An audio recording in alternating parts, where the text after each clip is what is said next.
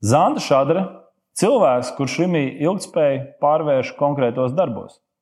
Noskaties man sarunu ar Zandu, un uzzināsi, kā izmantojot Rimī aplikāciju, veiksmīgi organizēt un plānot savus iepirkumus, lai samazinātu pārtiks atkritumu apjomu. Tāpat sarunas gaitā noskaidrosim atšķirības starp konvencionāli audzētiem produktiem un bioloģiskiem.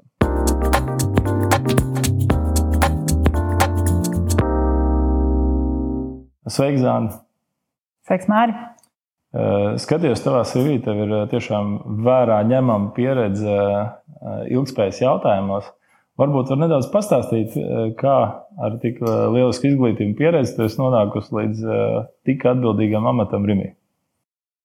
Interese par globāliem jautājumiem man ir saistījusi jau kopš skolas laika. Un arī augstākā izglītība ir saistīta ar starptautiskām attiecībām un diplomātiju.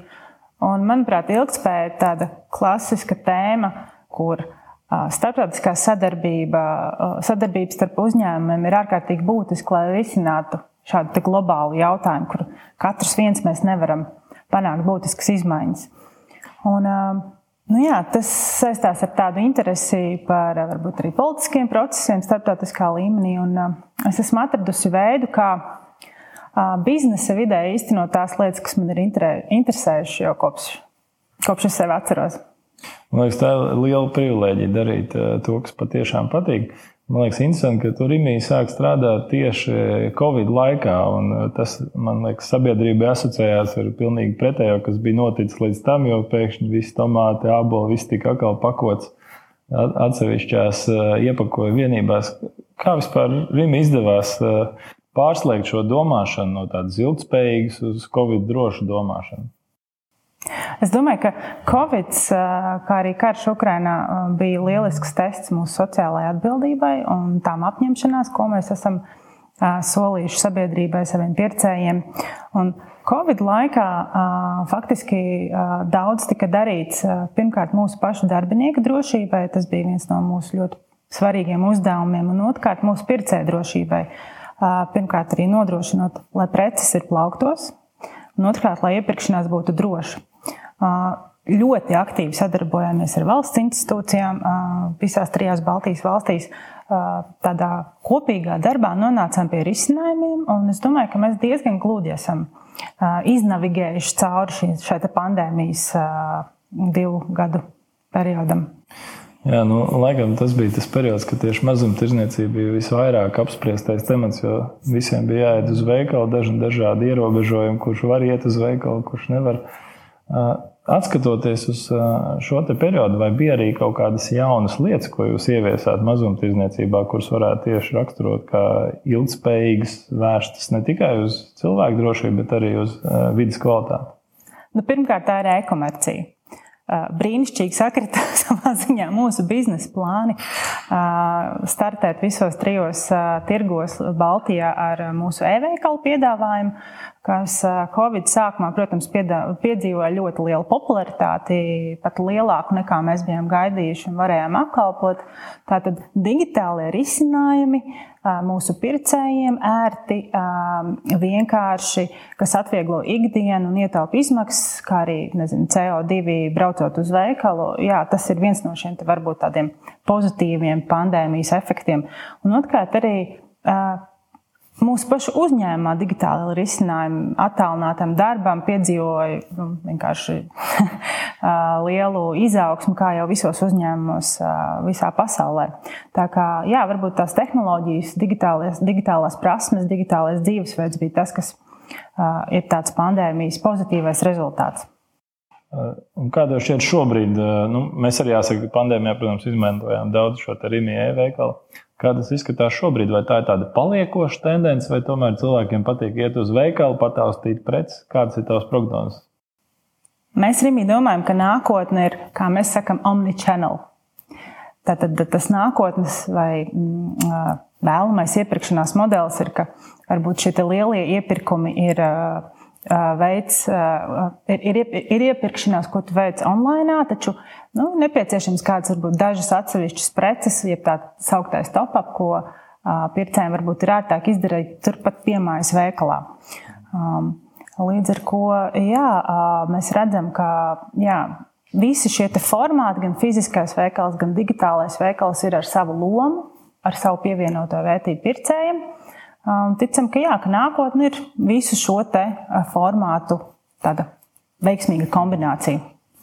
Tu pieminēji, ka rodas diezgan daudz CO2 šajā teikt, iepirkšanās procesā. Es domāju, ka katram klausītājam, skatītājam skaidrs, ka mazumtirdzniecība droši vien ir vispār liels CO2 emitents. Varbūt var padalīties no savas un Rīgas pieredzes, kā mazumtirdzniecība strādā ar šo CO2 pēdas noteikšanu, loģistikas ķēžu optimizāciju. Noteikti, ka visi cilvēki, kas pērk kaut ko veikalā, aizdomājas par to, cik daudz tā prece, ko mēs nopērkam, ir piedzīvojusi savā ceļā līdz patērētāju mājām. Jā, Rīgā faktiski ir celmlauzes Baltijā CO2 izmešu pirmkārt aprēķināšanā un otrkārt mazināšanā. Un te mēs esam arī saņēmuši faktiski pat ANO balvu divas reizes pēc kārtas, kļūstot par klimata neitrālu uzņēmumu ne tikai šeit, Baltijā, bet arī Zviedrijā. Kā zināms, IKA mūsu mācības uzņēmums šo CO2 mazināšanas mērķi ir izvirzījis par vienu no ilgspējas prioritātēm. Un mazliet padalīšos ar skaitļiem, salīdzinot ar 2016. gadu. Pērn mūsu emisijas bija par 81% mazākas.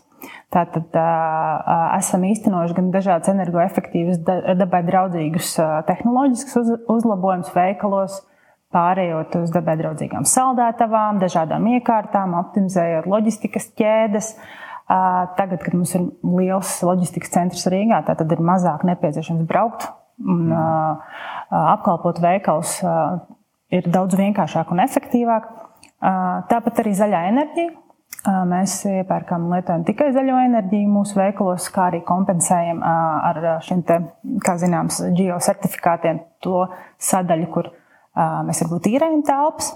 Tātad zaļā enerģija, te, šīs te dabai draudzīgās saldēšanas iekārtas un arī daži citi ļoti mērķtiecīgi pasākumi tieši CO2 izmešu mazināšanai. Jā, man te izaicināt, vai tavuprāt šie pasākumi uzlabo arī uzņēmumu pelnītspēju, vai tie ir tiek realizēti arī labās gribas vārdā, un akcionāri tik ļoti neskatās uz šo peļņu šajos konkrētajos pasākumos. Nu, kā jau jūs zināt, ilgspējā jau vispār tas, tas galvenais uzdevums ir nobalansēt šo uzņēmumu vēlmi pelnīt, attīstīties, augt, kas ir galvenais iemesls, kāpēc vispār ir uzņēmējdarbība. Tātad nobalansēt šo biznesa galveno mērķi ar to, kā biznesa dod atpakaļ sabiedrībai, videi, kuras resursus tas izmanto. Tātad ne tikai uh, peļņa, jeb profit, bet arī people ja, un purpose, uh, jeb cilvēki un mērķis. Ja, un tas ir manis kā ilgspējas vadītājs uzdevums šo balansu panākt. Ja, tā ir tāda uh, ikdienas taktisko lēmumu mm, joma. Ja?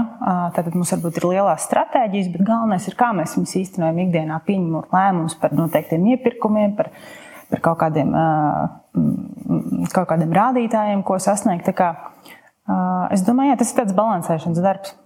Tu pieminēji, jūs samazinājāt par 82%, kas izklausās nu, te prātam neaptverams skaidrs priekš nezinu, vidēji vai, vai neliela Latvijas uzņēmuma.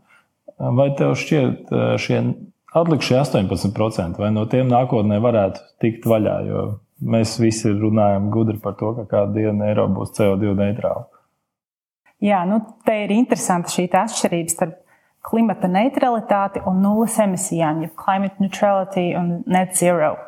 Un šis nulles emisiju līmenis arī ir Rīgā mērķis. Līdz 2030. gadam Eiropas Savienība ir izvirzījusi mērķi kļūt par net zero reģionu līdz 2050. gadam. Bet tas, protams, ir ārkārtīgi, ārkārtīgi izaicinoši. Tas, ko dara Rīgā, šos, kā tu minēji, atlikušos 11% mēs kompensējam caur, caur klimata kompensāciju mehānismu. Nu, ko tas nozīmē? Tas nozīmē, ka mēs caur certificētiem projektiem pasaulē ieguldam zaļās tehnoloģijās un zaļos projektos. Bet šis klimata nulles koncepts ir par to, ka mēs izņemam ārā šo oglekli no atmosfēras. Tātad vienkārši piemērs iestādām meža. Sarežģītāks piemērs, izaicinājums visai pasaulē ir šis oglekļa notveršanas, jeb izņemšanas process, un te mēs tehnoloģijas īsti neredzam komercializācijas līmenī. Te vairāk ir stāsts par laboratorijām, kur tiek eksperimentēts ar to, kā šo oglekli, oglekli izņemt no atmosfēras. Un te, jā, nu, mm, faktiski mēs jau pāris gadus gaidām šīs klimata, klimata zero, jeb nulles emisijas vadlīnijas, lai arī nu, strādātu pie stratēģijas Rīgas un Ika mūsu īpašnieku līmenī. Taču nu, jā, mēs redzam, ka te ir liels izaicinājums tieši tehnoloģiju izstrādes kompānijām. Nu, jāpiekrīt, laikam, par koku stādīšanu šobrīd nekas uh, dziļi taustāmāks un acīm redzamāks nav izdomāts. Bet atgriežoties nedaudz pie tā, ko Rīgā ir veicis, teica 82%. Tas, manuprāt, ir interesants skaidrs, kurā iedziļināties. No tavas pieredzes, kas ir teiksim, tās pieejas jūsu pašu atklājumi, kurām tu būtu gatava un gribētu padalīties ar klausītājiem? Nu, pirmā lieta, ar ko es gribētu padalīties, un kas ir arī mana dziļa pārliecība, ir, ka uh, ieguldījums vidē, ieguldījums cilvēkos, jeb sabiedrībā, uh, ieguldījums attīstībā faktiski ir iegūms visiem. Tas nav tā, ka tur ir kaut kāds nulles nulles spēle, ja, kur kāds iegūst un kāds zaudē. Un es domāju, ka tādā dialogu ceļā ir iespējams iegūms visiem.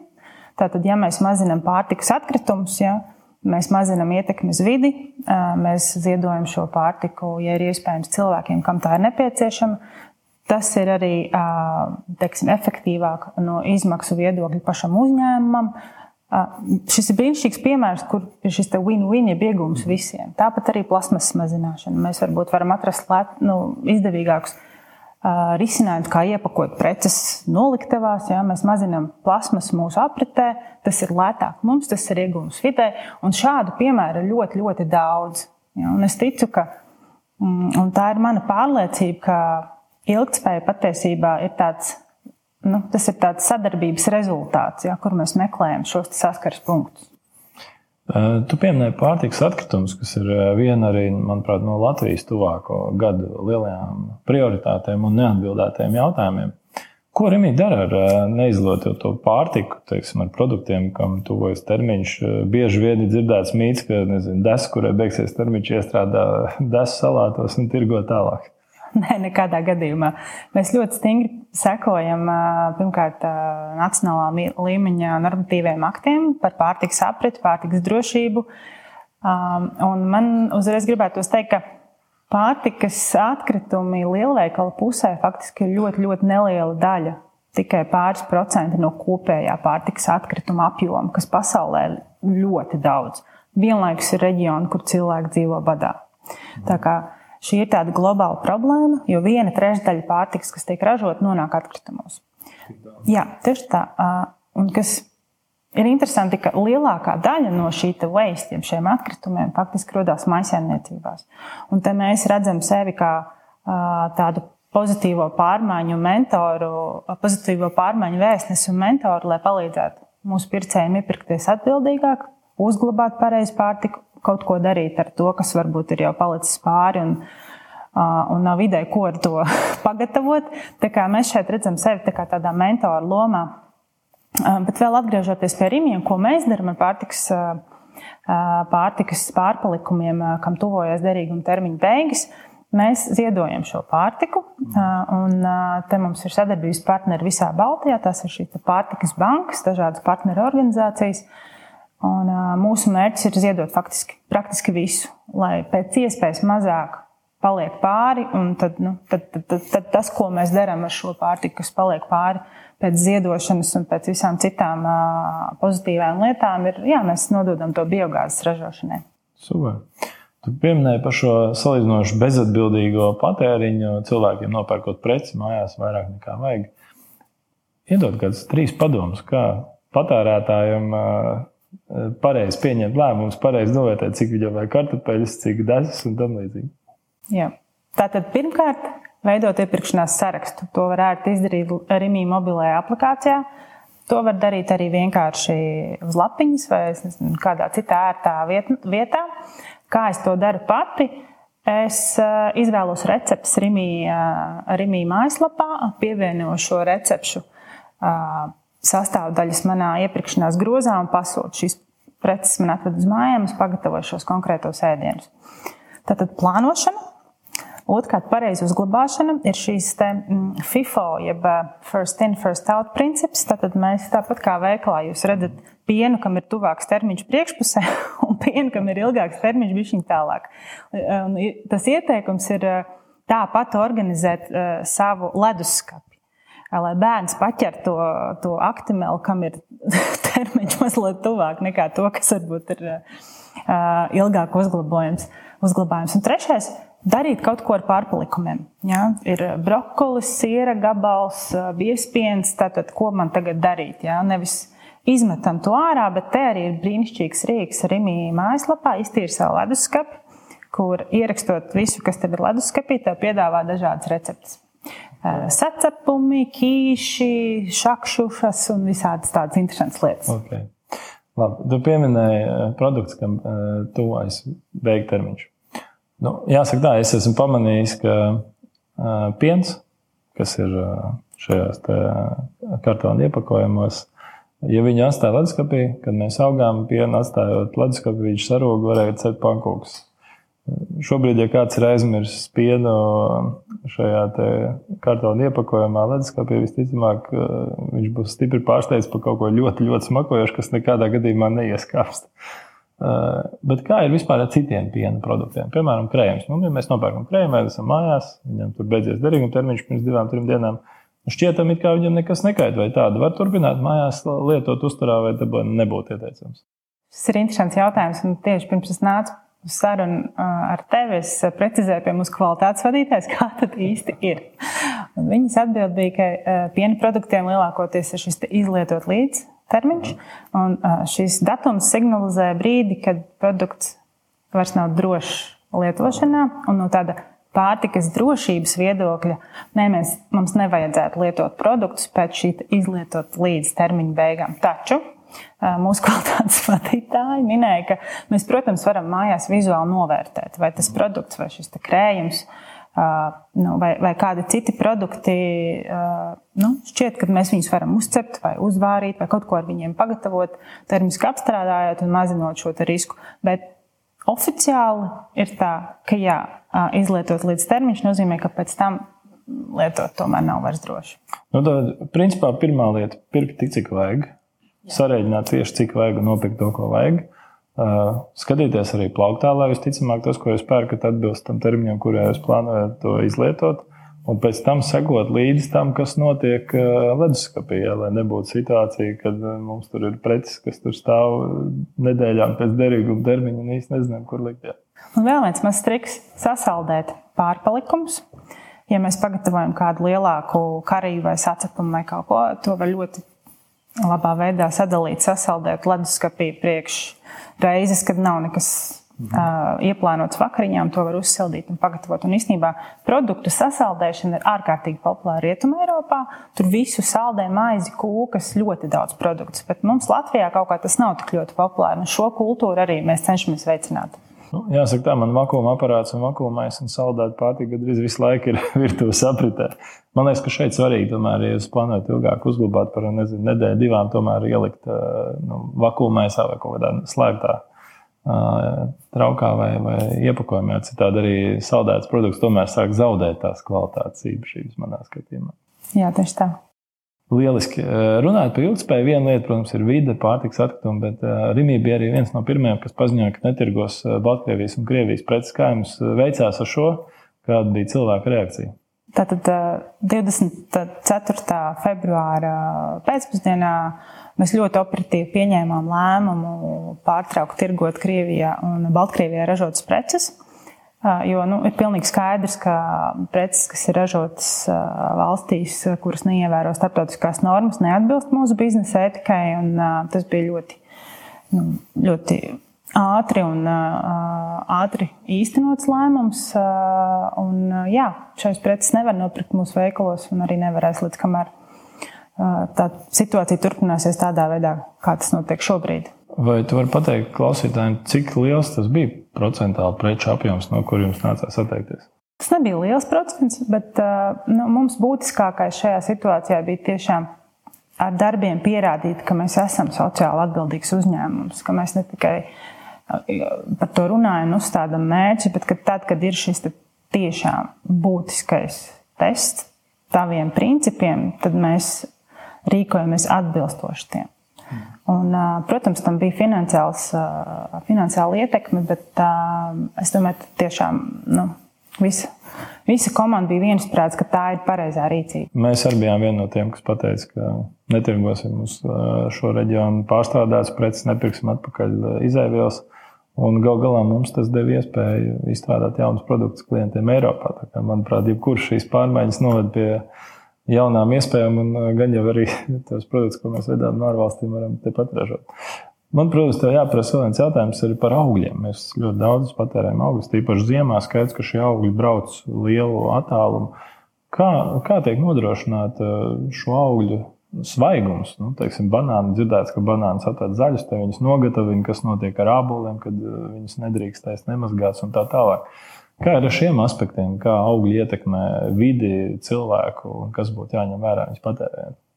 Nu, pirmkārt, mēs Rīgā esam ar visām rokām un kājām par ļoti aktīvu augļu un dārzeņu patēriņu. Faktiski arī esam uzstādījuši tādu mērķi iekšēju, uh, ka katram cilvēkam Latvijā, Lietuvā, Igaunijā dienā būtu jāpatērē 400 gramu augļu un dārziņu, kas ir arī Pasaules veselības organizācijas ieteikums, kas ir arī eh, mūsu vietējo mm, veselības ministrija ieteikums. Un eh, visos veidos cenšamies to veicināt ar dažādiem mārketinga un citiem pasākumiem, piemēram, piedāvājot nedēļas augļu vai dārzeņu piecinieku, kaut kā īpaši popularizējot dažādas kategorijas, sezonālos dārzeņus un tā tālāk. Un tā joprojām. Šī mums ir ļoti, ļoti svarīga kategorija. Par to pusi, ko tu jautāji saistībā ar piegādes ķēdēm un šo kvalitātes aspektu, es varbūt nevarēšu nokomentēt tā tīri detaļās tās fāzes un, un, un, un to, kā tas tīri notiek mūsu operācijās, iekšējos procesos, bet ir ļoti, ļoti precīzi šīs kvalitātes vadlīnijas, kritēriji Tur tiek lietot tādi jēdzieni kā vītums un, un, un, un dažādas tehnoloģiskās frāzes, kuras varbūt tik precīzi nepārvalda. Bet uh, būtiska lieta arī tas, ka mēs nenogatainātus dārzeņus, uh, augļus uh, neiepērkam. Mums ir noteikti standarti. Un uh, šādas pakāpes, piemēram, banāniem, kurus mēs precīzi pārbaudām, pirms preces pieņemam, un tikai tad ja tā atbilst mūsu standartiem, tad mēs viņu pieņemam. Tā kā tā, tā, tā procesu puse ir ļoti precīzi izstrādāta un darbojas kā tāds ritmentiņš, kā pulkstenīts. Tad man jāsaka, tev godīgi, nesen bija Amerikā un Walmartā nopirku krūmēlēns. Jāsaka, godīgi salīdzinot ar Rimiju. Latvijas krūmēlēm bija pilnīgi cita garša un bija tāds, ka tā ir plasmasiņa kaut ko iepildīt. Tas bija tāds, manuprāt, signāls par to, ka tomēr Amerikā šī pārtika būtiski atšķirās no tās, ko mēs esam pieraduši ēst. Droši vien mēs varētu teikt, ka mēs esam zināmā privileģētā stāvoklī, jo tomēr svaiga pārtika, svaiga auga, man liekas, Eiropiešiem daudz vairāk ir uzturā nekā citās valstīs. Ne? Un mēs arī svaigajās preču kategorijās daudz sadarbojamies ar vietējiem un vietējā reģi, mūsu reģionu piegādātājiem, ja, kas arī var piedā, piegādāt preces īsākā laikā. Šīs piegādes ķēdes ir īsākas, līdz ar to tā kvalitāte saglabājās un viņi var tikt nodrošināti arī gala patērētājiem labākā līmenī. Starp citu, viens tāds liels virziens, tīpaši Skandināvijā, ir virzība uz bioloģisko lauksaimniecību un šo produktu promotēšana arī starp citu IKA ķēdē. Kā tas varētu Latvijā ilgtermiņā ietekmēt šo tirgu? Jo, diemžēl, bioloģiskās lauksaimniecības produktiem, kā mēs zinām, viņi nav ne tuvu vienādi, ne tuvu ideāli. Tur ir virkni savs nianses. Ļoti interesanti, ka bioloģiskās lauksaimniecības un vispār šo eko-bio produktu pieprasījums aug un attīstās. Viena kategorija, kurā mēs redzam ļoti lielu izaugsmu tieši bērnu pārtika. Jo laikam mēs saviem bērniem esam gatavi pirkt pašu labāko, to tīrāko produktu. Un, un, un te mēs redzam tādu interesantu nišu, kurā attīstīties. Es domāju, daudz Latvijas ražotāji arī šeit aktīvi strādā un piedāvā savu produkciju, ko arī mēs piedāvājam savos veiklos. Bet kopumā es domāju, ka mums vispār ir jārunā par visas pārtikas, ko mēs patērējam, kvalitāti. Un tā, lai nav kaut kāda nošķīrumu, un tomēr uh, arī nu, tas burkāns, ko mēs nopērkam, lai viņš ir augstas kvalitātes, un tāds arī viņš ir. Uh, un, uh, ja runa ir par kaut kādu prēmiju produktu, tad, nu, nu, tad tas varbūt ir kaut kas tāds ļoti īpašs, uh, ko cilvēkam uh, izvēlēties vai ko mēs varam piedāvāt. Man liekas, tāds interesants Latvijas piemērs ir Getliņa ekotomāti. It kā getliņa izgāstu, tāpat laikā šie tomāti veikalā ir super dārgi. Kā ir ar getliņu tomātiem? Cilvēki pērk šos tomātus, kāda ir viņa attieksme, ka tie ir tomēr getliņu tomāti. Es domāju, cilvēki, cilvēki attieksme ļoti pozitīvi. Jo pirmkārt, tur ir pilnīgi skaidrs šis ilgspējas aspekts. Ja? Kādēļ mēs piemaksājam par šo ilgspējas aspektu? Un cilvēki labprāt pērk vietējos tomātus, vietējos ābolus, vietējo produkciju. Tā garša nu, viņa, viņa ir labāka. Nu, tas ir tuvāk tam siltumnīcas tomāta aromātam un tai garšai, ja, pie kā mēs esam pieraduši. Nesen eh, klausījos vienu runātāju, viņš teica tādu interesantu sentenci tieši par eh, mazumtirdzniecību, ka aptaujājot iedzīvotājus, daudz cilvēku saka, jā, viņi, protams, nopērk to eh, bioloģisko produktu. Un tagad viņiem prasa, vai jūs ticat, nu, ka viņš atšķirās ražošanas procesā, piemēram, no parastās? Nē, bet tas man liek justies labāk. Man liekas, tas tāds, diezgan labi raksturo to, ka mums ir jāiet vēl salīdzinoši liels ceļš, līdz tam, ka cilvēks sapratīs, jā, tiešām tajos bioloģiskajos produktos ir vērtība. Ne? Par bioloģiskiem produktiem un šo visu labeling, branding, un iepakošanu un, un dažāda, dažāda informācija, kas ir uz produktiem, ir interesants process, kas ir sācies Eiropas Savienībā ar šo farm to fork, jeb kā mēs viņu tulkotu no, no, no, no no lauksaimniecības uzņēmuma līdz eh, patērētāja galdam stratēģijas ietvaros tiek eh, domāts un, un drīz jau būs pieejami kriteriji, kā aprakstīt to, kas tad ir produkta saturs. Ja? Cik ekoloģisks vai cik uh, labs vai nu, visādās citās ziņās pārāks ir šis produkts, tā, lai nemaldinātu patērētāju. Jo Eh, kā tu droši vien labi zini, šis zaļmaldināšanas eh, trends arī ir ļoti aktuāls. Bieži vien patērētājiem grūti orientēties, nu, vai šis ir kaut kas, var paļa, uz ko es varu paļauties, kam ticēt, un varbūt nu, ir kaut kādi produkti, kas, eh, kas kaut apgalvo vienu, bet īstenībā nu, tur varbūt nav nekāda maģiskā elementa, lai to varētu nosaukt par ekoproduktu. Līdz ar to jā, mēs no Eiropas Savienības varam gaidīt diezgan precīzas vadlīnijas, ko var, ko nevar likt uz produktu iepakojumu, tā lai nu, tas patērētājs tiešām saņemtu labāko. Nu, man kā Rīgā klientam liekas, tās ir labas ziņas. Un, droši vien rezumējot šo sarunu, mēs varam teikt, patērējiet atbildīgi, patērējiet tos produktus, ko jums vajag, un cenšieties patērēt augstu kvalitātes produktus. Jā, un domājam, domājam par iegūmu sev, savai veselībai, sabiedrībai, kurā mēs dzīvojam, atbalstot vietējos ražotājus, un arī planētai šiem globālajiem jautājumiem, kuri bez mūsu ikdienas lēmumiem neuzlabosies, nevirzīsies uz priekšu. Super! Paldies tev par sarunu! Paldies!